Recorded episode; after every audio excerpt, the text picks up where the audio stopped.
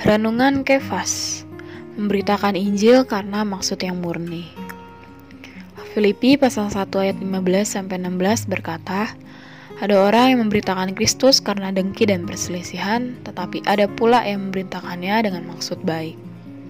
Mereka ini memberitakan Kristus karena kasih, sebab mereka tahu bahwa aku ada di sini untuk membela Injil. Dalam pasal 1 ayat 15, Paulus berkata bahwa ada juga orang yang memberitakan Kristus karena maksud baik. Mereka ini adalah orang-orang yang mempunyai persekutuan dengan Paulus dan berpartisipasi dengannya dalam memberitakan Injil. Pada umumnya, orang-orang Kristen berpikir, asalkan kita semua percaya Kristus sebagai juru selamat, menyembah kepada Allah yang sama, mengajarkan Alkitab, dan memberitakan Injil, maka segalanya beres.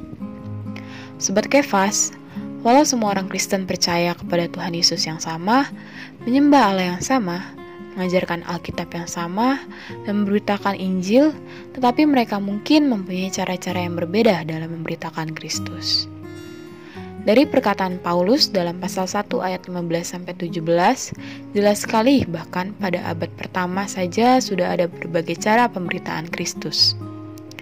Baik Paulus maupun penganut agama Yahudi memberitakan Kristus, tetapi dalam pemberitaan-pemberitaan mereka itu terdapat perbedaan yang besar. Kita perlu memiliki pengenalan dan daya pembeda terhadap pemberitaan Kristus yang berbeda-beda itu. Orang-orang Kristen sering membicarakan masalah memberitakan Injil, tetapi sangat jarang kita dengar kaum beriman membicarakan tentang bersekutu dalam Injil.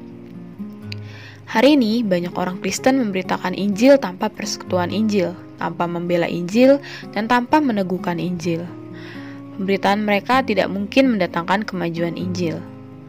Pemberitaan Injil oleh Paulus mencakup persekutuan, pembelaan, peneguhan, kemajuan, dan iman.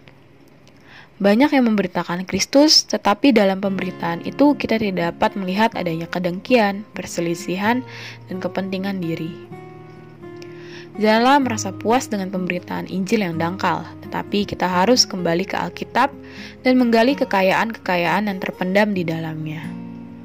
Kita bersyukur kepada Tuhan dalam rahmatnya, kita di dalam pemulihan sedang menikmati kekayaan-kekayaan tersebut. Terang hari ini, pemberitaan Injil oleh Paulus mencakup persekutuan, pembelaan, peneguhan, kemajuan, dan iman. Tetapi penganut agama Yahudi memberitakan Injil dengan kedengkian, tidak dengan membela Injil, melainkan dengan perselisihan. Poin doa, berdoa agar Tuhan kiranya memberita memberitakan, memberikan kesempatan kepada kita untuk membagi bagikan berita Injil dan persekutuan Injil, pembelaan Injil, dan peneguhan Injil kepada teman, sahabat, tetangga, dan orang tua kita.